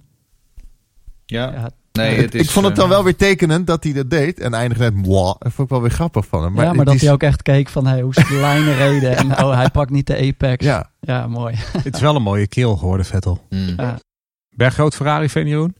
Maar kijk, het heeft altijd wel, eh, wel iets natuurlijk. Het is Ferrari en het is, eh, ik denk, het oudste merk inderdaad hè, in de Formule 1. Ja. Dus eh, ja, dat is Formule 1. Dat, dat hoort is er wel- gewoon bij. Maar is ja, aan de andere kant is het ook altijd wel typisch Ferrari, zeg maar. En dat Ferrari altijd voorgaat op de Hoezo? coureurs. Wat is Nou, typisch? Wat wel opvallend was, dat Helmoet Marco dat dus ook zei wat jij zegt. Hè? Want die zei, want iemand vroeg hem over, v- ben je het ermee eens in de nieuwe Concorde Agreement dat Ferrari nog steeds al dat geld extra krijgt? Toen zei hij ja, want Ferrari is wel een speciaal merk. Mm. En zelfs Red Bull stelt niets voor vergeleken met Ferrari, zoiets zei hij. Ja, nou ja, ja, daar ben ik het dan eigenlijk niet mee eens dat dat, eh, dat, dat nog steeds zo is. Ehm, het heeft wel iets, maar het is ook wel weer zo dat je denkt van ja, het is ook wel weer typisch, een typisch team of zo. Ja, maar ik moet zeggen, ehm, heeft Ferrari nou echt... Ja, ik bedoel, hè, ze zijn er natuurlijk van onafgebroken bij geweest. Maar ik bedoel, Mercedes heeft historisch gezien ook nog wel wat betekend voor de autosport. Dus ik bedoel, ik vind dat je best wel wat kunt ja. zeggen. Ja, nee, daarom, weet je, ik, ik, ik, ik heb er een beetje moeite mee. Ehm, ik snap ook dat het, Ja. een, het- Nee, dat het zoiets is wat je, wat je als eerste zeg maar eh, weggeeft in een onderhandeling. Van nou, oké, fijn, jullie krijgen hier speciale status. Maar puur principieel gezien is het natuurlijk gewoon... eh, Nou, wat jij zegt, zo langzamerhand moet je gaan denken of eh, McLaren ook niet dat geld gaat verdienen. Ja. Want als je terugrekent, Ja. McLaren is natuurlijk in 66 ingestapt. Ja, als je terugkijkt hoe lang Ferrari al eh, die extra bonus krijgt. eh, ja, dat aantal jaren is McLaren inmiddels ook al actief. Dus Maar goed, zou ze in hebben, het principe... allemaal, ze hebben het, alle teams hebben het goedgekeurd, toch? Ja, ja, helemaal eens. Ja, Ja, zou ook zijn kunnen ze zeggen- goed. Ik vind het prima. Ik heb liever dat ze erbij blijven. Ik zou het, echt, het zou echt een heel enorm gemis zijn als ze ooit eh, stoppen. Dat, dat vraag ik me dus af. Ik zeg iedere keer, WRC, rallyrijden, Nee, jarenlang. Subaru. Subaru Ja, is er ook ja. uitgestapt. Ja, maar dat is toch dat. Is, eh, ja, dat is Ja. heel anders, want dat volg ik niet. Waarom is het dan, maar waarom is het dan zo'n groot Ik gemis? weet het niet, het we hebben ook nog de Lamborghini. We hebben ook nog een Lamborghini. We hebben, ik, als in de Le Mans Ja, Toyota niet meer meedoet. Ja, maar als of- jij als klein of- jongetje een, een, een supercar moet benoemen, dan noem je een Ferrari. Ja. Dat is, dat is een. Die, dat is, die naam is, is geweldig. En bovendien, wat moet je nog met Monza? Wat moet je nog met heel Italië eh, als, als Ferrari daar wegvalt? Het is Maar gewoon goed, een stukje Ferrari, historie. Ferrari gaat erbij. niet verdwijnen uit de Formule 1. Want Ferrari heeft namelijk Nee, de Formule 1 punt, veel te hard nodig Eens. voor de eigen marketing. Dus hè? Eens, eens. Maar ze praten met Roger Penske. Goed, maar eh, van- over grote teams en eh, die lang in de Formule 1 eh, zitten, zaten. eh, het, er komt een einde aan een fantastisch tijdperk. De familie Williams trekt zich terug en wel echt per direct. ja. Ik, eh, even korte mooie herinnering van Williams. Mijn grote helden hebben daar gezeten. De, de Montoya's, de Jacques Villeneuve, de Nigel Mansells. Damon Hill. Ja, Ja, dat- mijn. Ja. Die- Ja, ja, de mijne ook hoor. Villeneuve vind ik dan Ja. weer wat minder, maar goed. En Jeroen Nemmenau, jouw Williams herinnering, jouw Williams helden? Eh, mijn Maldonado. Williams-helden. Maldonado, ja. Nee, ik, ik, was ook, ik heb ook altijd wel een heel erg zwak Bottas. gehad voor Montoya. Eh, ik heb ook wel vaker gezegd, de Villeneuve eh, van de mid-jaren negentig was niet te versmaden. En was ook veel beter dan Damon Hill. Maar ik, ik, heb, ik, ik, ik vind het wel een. Ik vind vooral de eerdere jaren, Nee, hoor. ehm, 91, 92, dat, dat vind ik wel. eh, de, de, die, die super geavanceerde auto's. jaren. eh, die, vond ik, Ja. die vond ik heel mooi. Nou, eh, ik vond die, eh, die jaren 80 auto's, die vond ik De mooi. jaren 80 auto's, 85, ja. 86. eh, maar ook die oude met Saoedi erop aan de zijkant, die groen-witte Williams. Ja. Dat was een prachtige, au- echt een prachtige auto. Ja. Ja, die, zag ik, eh, die zag ik toevallig van het weekend nog Oh ja. rijden op Zandvoort. Vertel. Ja, ja, Oh. ja, nee, was mooi. Was Eh, de daar? Historic Grand Prix. Ehm, ja, dat is gewoon gaaf om een keer bij te zijn. Ik ben, ben daar nog nooit bij geweest, dus dat was afgelopen zaterdag voor het eerst. Eh, ik twijfelde om naar Assen te gaan of naar Zandvoort. Ik ben naar Zandvoort gegaan, dus ik heb de overwinning van Vrijns gemist. Ja, maar wel super gaaf voor om die eh, in de DTM inderdaad. Eh, om, om die oude auto's te zien en die oude techniek, wat eh, toen al zo geavanceerd was. En dat geluid, ja, dat is geweldig. Dat Ja, is, ja. ja, kippenvel. Ja. Voor, voor iedereen die eh, meer over Williams wil weten, prachtige documentaire op Netflix. Ja. Heb je dit Zeker. gezien natuurlijk? Ja, uiteraard. gezien, ja. Super mooi. Ja. Maar Claire Williams is zelf opgestapt. Wat, wat weten jullie ervan? Wat- hoe- hoe- Nou, wacht even. Er is gezegd in de officiële persstatement dat Claire Williams zelf is opgestapt. Dat Ja. is een groot verschil. Dat heet namelijk PR-spin, Lucas. ja, Ja, dat is gewoon netjes natuurlijk. Kijk, eh, dat Dor, Dor, Dorwilton eh, Capital, geloof ik, die heeft dat, eh, dat team opgekocht. Ehm, zij investeren in, in, eh, in meer bedrijven, eh, in, in de food, eh, in de mechanica, allerlei soorten bedrijven. Eh, zij zien het ook echt als een investering. Ehm, ja, en dat Claire zelf opstapt, dat is gewoon eh, niet meer dan netjes, denk ik, dat je dat aanbiedt. Van je kan, je kan nu aangeven om zelf op te stappen. Eh, ja, of wij doen het op een gegeven moment. Hm. Dus hou de eer aan jezelf. Eh, ja, zonde natuurlijk dat er toch wel een stukje historie verdwijnt. Aan de andere kant blijft het merk in principe bestaan. Voor hoe lang, dat weet je nooit. Er is gewoon een andere team-eigenaar. Dus als, dat, eh, als zij denken van dat gaan we over twee jaar anders doen, dan, dan gaat het ook gewoon anders. Ah, dat is wel de laatste privateer, denk ik. Ja, ja. Ja, De Tyrrells en de en Wat, alles. wat weten we over dit, eh, deze investeerder? ja het is echt een, eh, ja, een, een capital bedrijf. Dus zij zitten er wel echt in om daar eh, geld mee te verdienen. Dus daarom denk ik dat ze Williams ook wel eh, zullen aanhouden als naam. omdat eh, ja, ze hebben het nu relatief goedkoop kunnen kopen. Volgens mij omgerekend. Relatiefie. min alle, goedkoop, ja. Daar is ook nog een dingetje mee eh, overigens. Eh, want Latifi zit dus in dat Sofina Foods, eh, zijn vader. Ja. Eh, en dit bedrijf zit ook, heeft ook zo'n foodbedrijf. Dus het- Ja. er gaat een gerucht dat zij dus eh, een deal gemaakt zouden kunnen hebben. eh, waarbij Ja, ja. ze hun foodbedrijf Ja, er afstoten. gaat zoveel Ja, verhalen. Er was ook iets met, met Bernie Ecclestone, omdat zijn ja, eh, was. ja, ja. ja. Ja, dan komt Bernie weer. ja. Mooi. Ja, dus, dus ik denk wel, het is een investering. En je ziet dat eh, nu wel vaker gebeuren. Hè? Dus ook met Stroll. eh, eh, ja, die wil ook niet van zijn centjes af. Die wil ook eigenlijk alleen maar meer. Dus ja, ze gaan dat echt niet zomaar weggooien. Ze zien dat echt als... Nou, nou ja, kijk, en daarom, hè, wat jij zegt, er zit waarde in die naam. En het is natuurlijk ook goed om naar de buitenwereld hè, netjes afscheid te nemen van de Williams-familie. Ehm, aan de andere kant, waarom doe je dat dan midden in het seizoen? Ehm, waarom doe je dat niet aan het einde van het seizoen? Nou, gewoon omdat Doralton direct zelf zijn stempel wil drukken. Oftewel, Claire Williams is niet zelf opgestapt. Die heeft gewoon toren gekregen. Lieve Claire, Ja. we gaan ermee stoppen. Ehm, we kunnen het goed, goed schiks of kwaadschiks doen. Eh, wij zijn zeker bereid om een hartstikke mooi statement op, eh, eh, op papier te zetten. Waarin we hè, jullie hele familie bedanken. Dan maken we er een mooi filmpje bij. Dat gooien we dan uit op eh, social media. ja, wat ja, ze mooi. gisteren gedaan mooi, hebben. Maar laten we ehm, elkaar nou geen illusies aanpraten. Claire Williams is gewoon opzij gezet. Ehm, en Doralton gaat nu eh, eh, de dienst uitmaken bij, ehm, bij Williams. Ehm, de grote vraag is wel wie gaat de teammanager worden? Want dat gaan ze nu in Ja. de week richting Mugello gaan ze dat bekendmaken in deze week. Dus dat wordt eh, nog een aankondiging. Ehm, Charles Jelving? ja, dat Ja, lijkt me ja, een uitstekende. Ik, eh. ja, ik merk ook, hij, hij schijnt ook weg te zijn. Eh, hij moest, weet ik wel, iets van onderhandelingen Onderhandelingen, of ja. zo had hij het over. Ja, dus ja, ja. Je, je weet het niet.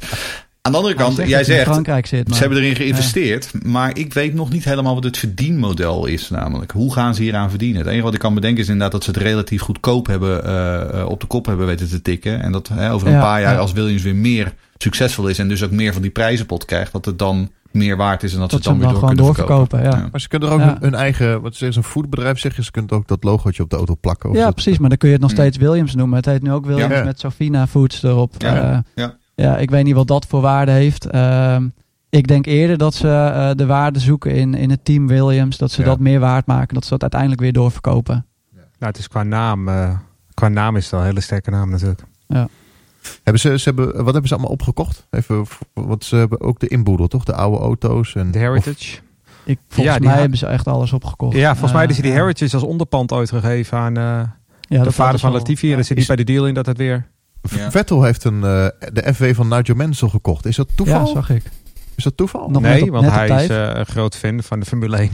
maar is het toeval dat, dat nu die verkoop, dat die... Dat die Nee, dat heeft er helemaal niets mee te maken. Dat, dat komt denk ik ook Nee. niet bij Williams vandaan. Dat zal Nee. wel bij Ja. iemand die... Jij denkt, jij denkt Sebastian aan- Vettel bij Williams volgend jaar. Nou, eh, nee, maar misschien, eh, In die misschien wel ook. dat hij eh, volgend jaar bij Jeroen eh, dat hij meerijdt met, eh, Met de Historic Grand Prix. Heet het? Ja. ja, met de Historic Grand Prix. Of, of, Kijk, of, Vettel of, aan de muur. hey, of wordt Sebastian Vettel de nieuwe teammanager van Williams. Ja, dat is Ja, nou, de er wordt wel pitwall. wat gefluisterd, ja. Ja, Nee. hij stond al aan de pitwall te kijken. Ja. Ja. Hey. Of aan, de, aan, de, aan de baan. Ja. En dan ook de komende race al. Nee, maar in voetbal is Ja. soms trainer-speler, maar Ja. teambaas rijder, dat zou wel heel Dat gaaf zijn. dat is, Nou, nou, Ed wie- Carpenter hè, doet dat. Wie, Ja. wie, wie heeft dat Ja, geprobeerd? ja. Prost heeft dat geprobeerd. Wie heeft, wie heeft dat allemaal geprobeerd? Rijden naar de teamwall. Wie, wie hebben dat? Volgens mij wilde Oh, Albers het toen nog hè, bij eh, Jackie Christian Oliver. Albers. Bij, Ja. Christian Albers, goed voorbeeld. Albers, ja, ja. Prost. Jackie Ja, Oliver ja. bij Arrows vroeger. Ja, zeker. Ja. Nou, ze- er zijn er een hoop hoor. Ja, het zijn er wel meer. Ja. Eh, ja, Frank Williams heeft ook ooit geraced. Kunnen we ook een special over maken. Ehm Tyrrell weg, Ligier weg, Minardi. Eh, Minardi werd natuurlijk Jaguar en daardoor Red Bull. Dus Williams nu ook. Ja, de naam blijft nog wel, maar niet meer de, de, de familie, zeg maar. Dat Ja. lijkt me toch wel emotioneel dat je de sleutel inlevert van je eigen, je eigen huis, zeg maar.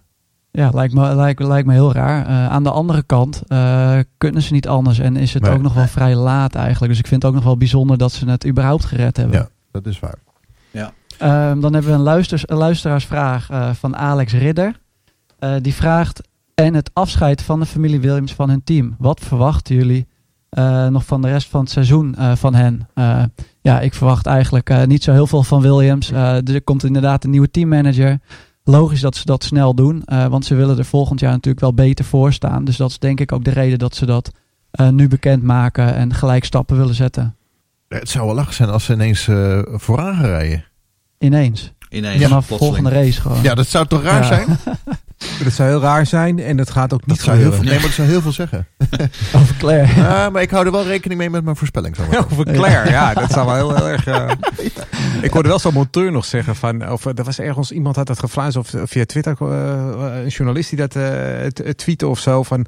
eh, wat, wat ze ervan vonden dat Claire eh, nu wegging. Ja, maar die deed eigenlijk toch nooit zoveel, zei hij die kerel zegt. Vond ik wel mooi. Eh, ik was eh, een paar jaar geleden op de test, eh, te- de Barcelona-test met Charles.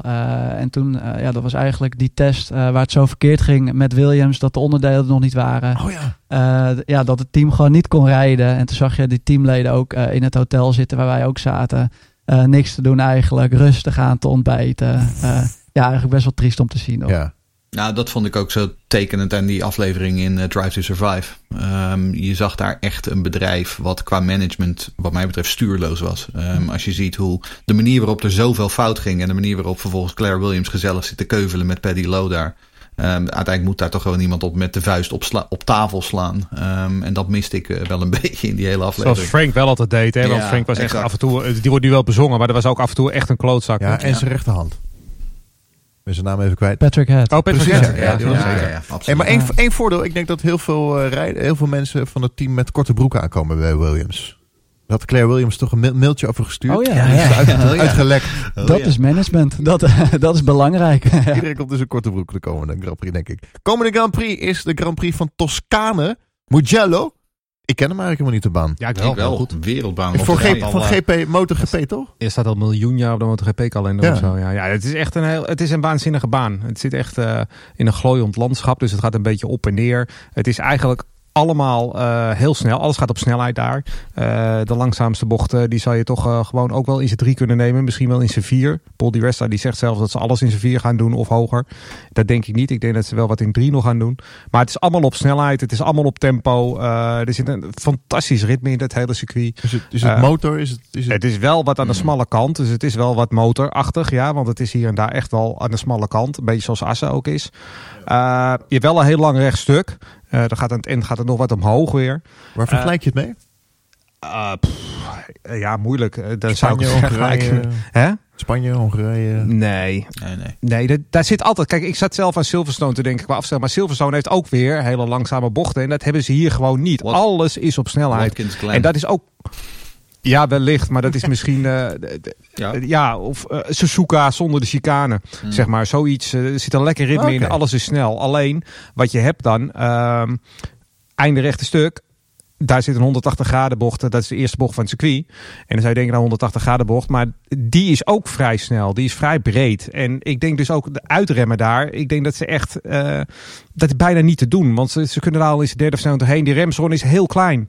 Dus ik denk dat het e- echt wel weer een DRS-treintje gaat worden daar. Dat gaat gewoon een treintje Ja, daar ben ik dus heel erg bang voor. Maar voor de rijders, fantastisch. Hoe, hoe is het voor de banden? Nee, dat zal wel wat gaan vragen van de Ja. banden. Ja, maar voor mij nemen ze de hardste compounds mee. Dus ik denk dat dat wel goed En, komt. en, de ligging, en de ligging is prachtig, hè? want ik bedoel de omgeving. Prachtig, Het, eh, ja. het gaat ook flink op en neer, flink omhoog en naar beneden. Het is, het is een prachtige baan, maar ik denk dat het qua racing eh, niet zo heel veel op gaat leveren, helaas. MotoGP heeft zelfs al, is, al voor MotoGP-coureurs is het al niet de makkelijkste baan om in te halen. Even los van de voorspelling. Welke teams denken jullie dat het hier goed gaan doen? Ik heb een idee van Mercedes. Ja, dat, Maar maar dat dat vind is ik ook zo, maar denk ik dat wel. Ja. Ik denk ook dat Ferrari hier ook heel erg gaat worstelen met die nerveuze achterkant. Nou, Ja, je- denk je? Ja, als je, aangezien je, je constant op, hoge, op relatief hoge snelheid links en rechts moet. Ja, Maar ze krijgen wel een eigen, eh, of een eh, nieuwe livery, hè? Speciale Ja, uh, ja. Grand Prix eh, en, en livery. ze schijnen niet de enige te zijn, heb ik ook gehoord. Ja, Mercedes. Ja. Ja. Het zou wel leuk zijn als alle teams rood, rood, eh, rood Ja, verschijnen. iedereen in het rood staat. Allemaal Ferraris. Op Twitter had ik me al afgevraagd of het misschien een leuk idee zou zijn als Mercedes voor de gelegenheid een Ferrari motor achterin legt. Ja, Oh, dat zou wel leuk zijn, ja. Dat zou leuk zijn. Dat ook zou lukt. leuk Ja. gewoon Ja. iedereen met een Ja, Ferrari lachen. motor. ja. Oh, dat zou leuk, ja. ja. Eh, zullen we de voorspelling doen? Alleen de vraag is dan, eh, Jeroen van Kester, doe jij dan de voorspelling voor Charles Ja. of doe je de voorspelling Ja. voor Jeroen van Kester? Nou, ik ga hem gewoon voor Charles doen, denk Ah, ik. Want, mooi. eh, Doe maar even. ja, kijk, want ik, ben, ik heb het maar één keer in mogen vullen. Dus eh, ik, ja, ik kan jullie niet meer inhalen. Oké, Ik 1, weet 2, niet- 3 en 10. Op één heb ik eh, Hamilton, uiteraard. Eh, Mercedes, eh, die gaat gewoon goed doen. Max op twee. Eh, ik hoop toch dat hij er wat van gaat bakken daar. Het is een nieuw circuit, dus voor iedereen weer anders. En Max die kan zich daar wel goed op aanpassen volgens mij. Eh, de McLaren's gingen hard, dus ik heb Norris op drie. Eh, ook omdat ik het gewoon tof vind. Misschien komt hij wel weer met een pizza-helm. Ehm, kan. En dan eh, ja, één puntje voor de 1000 pk van Ricciardo eh, op 10. Jeroen Scholten. Ik denk ook dat Hamilton gaat winnen. Ik denk ook dat Verstappen tweede wordt, omdat het een eh, technische baan is. Ik denk dat hij daar wel goed uit de voeten kan. En eh, ja, ik ga toch gewoon voor Bottas op drie. En op tien wordt dan ehm eh, Lens, nee, eh, Pierre Gasly. Waarom? Omdat hij niet iedere week kan winnen. Nee, maar hij heeft nu Tweede zelfvertrouwen. zege op Hij rij heeft niet zelfvertrouwen nu. Ja, daar wordt hij ook tiende en geen twintigste. nee, maar die Alfa Tauri is wel gewoon een, een auto. Als je tiende, negende wordt, dan doe je het al heel goed hè, Oké. in de Alfa Tauri. Oké. Jeroen Demmerdaal. Ehm, ja, Hamilton 1, eh, Verstappen 2, Bottas 3 en Ocon wordt tiende. Oké, nou ik moet iets geks doen dan. Ik zeg eh, Bottas 1. Eh Lewis 2. Max 3. En eh, ja, dan doe ik ook Gasly 10. Gewoon puur omdat ik eh, op jou vertrouw. Maar ja. Bottas 1. Heb je de afgelopen weken gekeken naar de Formule 1? Ja, maar, de- ja, maar ik, moet, ik moet risico nemen in de... Want ik sta niet meer eerst in het lijstje. Dus, Oh ja, oké. ja. Ja, het kan. Oké, het kan. Ja, ik word iedere week uitgelachen, dus Ja, ja. maakt niet uit. Nee. Goed, we hebben nog wat luisteraarsvragen binnengekregen. Onder andere Bob van Valkenhoef. Ja, die vraagt: wat is dat met die quali op Monza? Tot een paar jaar terug was dat nog niet zo chaotisch. Is het puur de huidige auto dat men zo aast op die slipstream? En Tom Plum die vraagt: tijdens de kwalificatie zagen we weer dat de coureurs elkaar in de weg zaten. Hoe kan dit probleem het beste worden opgelost? Weer een one-shot qualifying format herintroduceren? Vraagteken. Ehm, ja, weet je wat, wat ik denk? eh, is dat die teams gewoon niet zo achterlijk laat naar buiten moeten gaan. Ehm, ik zou op zich wel een voorstander zijn van een andere kwalificatieformat. Eh hoe precies weet ik eigenlijk ook niet. Ehm, maar die teams die gaan zo laat naar buiten, omdat de baan dan natuurlijk optimaal is en ze willen allemaal die tow. Ehm, maar als je kijkt, eh, volgens mij was het Renault die off-sync ging. Eh, ik zeg niet dat het het beste is, eh, maar die hebben wel een vrije baan en die kunnen gewoon kwalificeren naar hun eigen, eh, ja, hun eigen rondje maken, zeg maar. Ja, nou, ik heb hier op Twitter een prachtige hashtag voor geïntroduceerd, genaamd Kneuzenkermis. Want dat was namelijk wat het was, deze kwalificatie. Ehm, en de oplossing is heel simpel. Ehm, er moet gewoon massaal straffen uitgedeeld worden voor dit soort gekkigheid. Ehm, inclusief licentiepunten voor, de, voor de coureurs. Eh, het feit dat iemand als Ocon ehm, eh, op zaterdag, ehm, ik weet niet eens meer wie het was, maar het was Rijkonen die, die bijna, eh, bijna binnen liet rijden. Dat hij daar niet voor gestraft wordt, is natuurlijk gewoon belachelijk. En op die manier help je dit soort gedrag natuurlijk ook gewoon in de hand. Oftewel, er moet gewoon opgetreden worden, want dan, kun je, ehm, dan verdwijnt dit als sneeuw voor de zon. En denk jij dat het format aangepast moet worden? Nee, Nee, gewoon zo. maar uiteindelijk zijn dit gewoon de beste raceteams en die moeten dit gewoon op kunnen lossen. Bijvoorbeeld met timing, bijvoorbeeld met weet ik veel hoe ze het doen. Los het maar op. Ja. Maar gewoon, stra- gewoon straf uitdelen. Ik zou het op zich wel geinig vinden hoor. Als even voor een Monza speciaal een andere kwalificatie eh, format is. Gewoon één rondje Mm. voor iedereen. Zou ik wel grappig vinden. Een eh vraag binnengekregen nog van Daniel. Ja, Daniel die vraagt welke Formule 2 en Formule 3 coureurs verwachten jullie op korte of lange termijn in de Formule 1? Nou, nou weten wij dat Daniel een grote fan is van Theo Pourchaire. Nou, en die, ik, Ja. ik, ik zal het vast verklappen, die zit daarbij wat mij betreft. Als we kijken naar de Formule 2, eh, daar, daar zijn het natuurlijk op dit moment vooral de Ferrari juniors die de dienst uitmaken. Eh, te weten Callum Islet, ehm, eh, Mick Schumacher en Robert Schwarzman. Die staan met z'n drieën bovenaan het kampioenschap. Kort daarachter staat Yuki Tsunoda, die we kennen als Red Bull junior. Ehm, en kort daarachter staat dan weer Frederik, of ik zeg Frederik Lundgaard, maar zo heet hij niet. Hij heet geen Frederik van Voren, maar goed, Lundgaard. Vesti. Ehm, ja, dat is Formule 3, daar kom ik zo op. Oh ja. Lundgaard, dus die namen, Schumacher, Lundgaard en Tsunoda, die zie ik in de komende jaren wel de Formule 1 halen. Eh, ik vrees voor, eerlijk gezegd voor Callum Islet, omdat hij gewoon geen naam heeft en geen grote sponsoren, dat dat, dat wordt de Fabio Leimer van eh, onze tijd. En dan hoor ik jullie denken, wie? Fabio Leimer? Hey, Ja. die weet ik nog wel. ja, die werd in 2013 eh, ook GP2 kampioen. En die kon daarna door naar de sportscars omdat hij in de Formule 1 niet aan de bak kwam. Ik vrees dat Aylot dezelfde kant op gaat. Ehm, in de Formule 3, ehm, zoals ik heb hem al genoemd, Theo Poucher, eh jochie is net 17, Franse man, eh ra- raced gewoon echt heel goed. Heeft een hele goede Ja. basissnelheid. Eh, dan hebben we ook Oscar Piastri, ehm, die ik heel hoog heb zitten. Eh Frederik Vesti inderdaad. Om eerlijk te zijn, Logan Sargent doet het ook goed. Maar soms doet hij dingen dat ik denk, jongen, denk nou even na. Um, en dat geldt, geldt eigenlijk ook voor Liam Lawson. Liam Lawson is een Australische Red Bull junior. Um, die zie, heb ik ook wel hoog, heel hoog zitten. Maar die moet soms ook een beetje ja. slimmer zijn uh, in, in, de duels.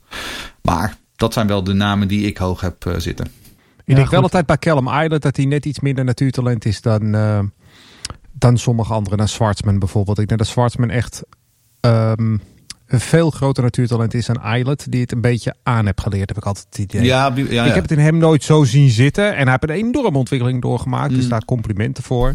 Maar dan denk ik altijd in aanleg ben je net even minder. Nou, ik vond hem vorig jaar was hij ook gewoon middelmaat in, uh, want hij zit al in zijn tweede ja. jaar natuurlijk. Uh, net, als, net, als, net als Mick hoor, Schumacher. Dus... Kijk, eerlijk is eerlijk, hè, we, zijn, we hebben ook Mick Schumacher al een aantal keer uh, uh, over we af zitten zeiken hier.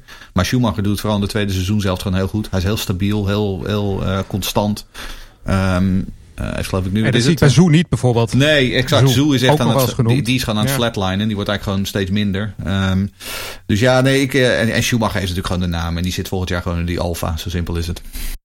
Raoul van Hezen die vraagt: Is de Formule 1 saai en een verplicht nummertje geworden? Of moeten we stoppen met oordelen op basis van momentopnames en scoreborduitslagen? Nou ja, je moet sowieso niet uh, scoreborduitslagen als uh, meetpunt nemen, denk ik. Uh, of de Formule 1 saai is en een verplicht nummertje. Nou ja, ik vind nog steeds van niet. Ik zit nog altijd voor die tv. En als er aan de startlichten één voor één op rood gaan, dan krijg ik nog altijd wel uh, kriebels in mijn buik, zeg maar. Uh, maar ik snap wel uh, wat hij bedoelt. Het is natuurlijk wel zo. deze auto's zijn zo waanzinnig snel geworden. Het zijn echt beesten van auto's. Dat is absoluut waar. maar inhalen is daardoor eigenlijk niet meer mogelijk. Ze remmen bijna in de bocht. het is eigenlijk niet meer te doen. maar het, ik moet wel zeggen, de plannen zoals die door Liberty Media en de VIA um, uitgerold worden, of zoals wij die uh, lezen, uh, die zijn wel heel erg positief. Ik heb wel het idee dat iedereen uh, ermee bezig is om deze sport gezonder te krijgen. Uh, de budget cap zal daar heel erg aan meewerken, want eigenlijk is het grootste probleem, denk ik, het allergrootste probleem, denk ik, voor de neutrale fan, is dat Mercedes er vaak vooraan rijdt. Die dominantie is killing voor, voor een sport. En ehm, ik denk dat daar met de budget cap en met, met heel veel andere regels, de aerodynamica gaat heel erg uh, teruglopen. Ja. dus, dus daar, we gaan echt de goede kant op. op dit moment. Maar, maar sorry dat ik onderbreek, maar ja. ze hebben het gewoon goed op orde. Dus je kan het ze niet kwalijk Nee, doen. ik neem het Mercedes ook helemaal niet kwalijk. Doen, maar straks is er Mercedes, een team. Mercedes doet helemaal niets verkeerd. Nee, daarom. Dus maar aanhoudende dominantie is wel killing voor sport en Liberty Media en de FIA moeten daar wel naar kijken. En de huidige, ja, en de huidige regelgeving uh, werkt dat ook in de hand namelijk doordat er Absoluut. geen budget cap is, doordat er zoveel nadruk ligt op die mechanische, uh, op die aerodynamica. Uh, ik las deze vraag en toen dacht ik, volgens mij is die ook een beetje aan mij geadresseerd. Want ik schreef eerder dit weekend uh, dat ik bij de Formule 1 steeds vaker het idee heb dat ik kijk, omdat het inderdaad een beetje een verplicht nummertje is. Want ik, ik kijk gewoon Formule 1, dus kijk ik naar de Formule 1, hè, als je me kan volgen. Terwijl ik bij de Formule 2 en de Formule ja. 3 en de IndyCar echt ga zitten voor de amusementswaarde. En die amusementswaarde die mis ik gewoon een beetje in de Formule 1. Verder ben ik het helemaal met je eens dat de nieuwe uh, reglementen inderdaad um, en de nieuwe regels waarschijnlijk een, goede sta een stap in een hele goede richting zijn. Um, maar ik bedoel, ik, ik, ik heb uh, eerder dit jaar zat ik het F1 seizoen 1986 eens terug te kijken. En het hele seizoen was er een strijd tussen Nigel Mansell, uh, Nelson Piquet, Ayrton Senna en Alain Prost om de wereldtitel. Vier verschillende rijders ja. bij drie verschillende teams. Ja. En dat is ja. inderdaad wat je in dit Mercedes-era gewoon mist. Ja, dat ben ik met je eens. Maar ik ben dan weer niet met je eens dat je dan ook weer kijkt naar de Formule 2 en 3. Want eigenlijk historisch gezien is de Formule 2 en 3 altijd spectaculairder geweest dan de Formule 1. Formule 1 is nooit een heel groot inhaalfestijn geweest. Nee, maar sport moet amusementswaarde hebben. En op dit moment schort het daar in de Formule 1 regelmatig aan. En in die zin, qua ja. amusementswaarde, vind ik F2 en F3 gewoon moet leuker om naar te kijken. Ja, um, het ik, moet beter. Het is vooral, heb ik het idee, deze auto's zijn vooral heel leuk voor de rijders. Ja, ja dat. Want ze kunnen waanzinnig hard, belachelijk hard. Uh, het zijn echte beesten. Maar ja, je maakt de sport niet voor de rijders. Je maakt de sport voor de fans uiteindelijk. Want anders heb je geen sport meer over. Ja, ja goed. Iedereen is erbij gebaat. Ook Mercedes. Want als niemand meer de sport gaat kijken, kijkt ook niemand meer naar Mercedes. Dus nee, ook, nee maar op, uh, het, het, blijft uh, volgens mij wel redelijk goed bekeken allemaal. Nee, maar dus, dus ieder team heeft, weet ik, is, heeft een, een man met een stopwatch. En die houdt bij hoe vaak het hen team in beeld is geweest. Dus eh, dat, dat houden ze ja, allemaal wel in de uiteindelijk, ik schakel ook gewoon nog steeds uiteindelijk ieder weekend in. En ik zit op vrijdag op Ja, kantoor gewoon nog steeds met mijn iPad eh, en de vrije training. Want ik, Ja. het is nog steeds de Formule En- 1, dus ik kijk er nog steeds naar. Maar, Ja. En het schijnt, ook, het schijnt ook dat je in een podcast zit, heb ik gehoord. eh, ja, zelfs. vaag. Twee zelfs, ja. De Formule 1 podcast. Race Reporter. Race Reporter, de Formule 1 podcast, wordt mede mogelijk gemaakt door gptoday.net en een aantal donateurs. We hebben een aantal leden. Joost Landzaat, dankjewel. Rowdy Rabouw, super bedankt. Remco Zoon, Eddy, Chris, Niels, Karin, Rick Debets, Frank Thewe, Maarten Evertsen en Frank Niesthoven. Dank jullie wel. Ook een aantal eenmalige donaties. Joris Groeneveld, Martijn Gijsbergs, Rob van Valkenhoef, René Erwin F1 Collector, Patrick, Tim Laarman en Arjen Arendsen super bedankt. En een aantal superdonaties van Daan Legrand super bedankt, Harry de Groot en Annelies Bier. Allemaal super bedankt voor jullie donaties. Hiermee komen wij eh, ja, de, de aankomende herfst door. Hiermee kunnen we onder andere meer apparatuur aanschaffen en onze marketingkosten be- bekostigen. Wil je ook doneren? Dat kan. Ga naar f1podcast.nl slash support. Dat is f1podcast.nl slash support. En ik wil even onze trouwe fan Dennis Burgersdijk sterkte wensen met zijn herstel. We duimen voor je Dennis. Onze grote vaste fan vanaf dag 1 van deze podcast, Dennis Burgersdijk. Jeroen van Kesteren. Jeroen Ja, 3 als het ware. Ja, Dank voor je aanwezigheid. Ben je er volgende keer graag weer gedaan. bij? Eh, nee, ik denk het niet. Volgens mij eh, is Charles dan weer terug. Ja, we even kijken of, die, of hem niet ja aan de of hij staat aan de pitwall bij Williams natuurlijk. Dat kan ook nog. zou, zou kunnen, kunnen, ja. zou kunnen, ja. Goed, dit was eh, drie Jeroens op een rij. Ja, Mag ik jullie alle drie bedanken? Ja hoor. zeker. En we moeten even kijken wanneer we de volgende opnemen. Want dan ben ik weer zogenaamd op vakantie. Want Ja, we gaan dat- een paar dagen later Dat kan dus opnemen. niet. Ja. Ja. Maar goed, Mugello wordt toch een optocht. Wordt, eh, net als Monza, wat Jeroen van tevoren zei, wordt toch saai. Dus dat komt goed. heren, hartstikke bedankt. Graag gedaan. Oké, gedaan. hoi. Hoi hoi.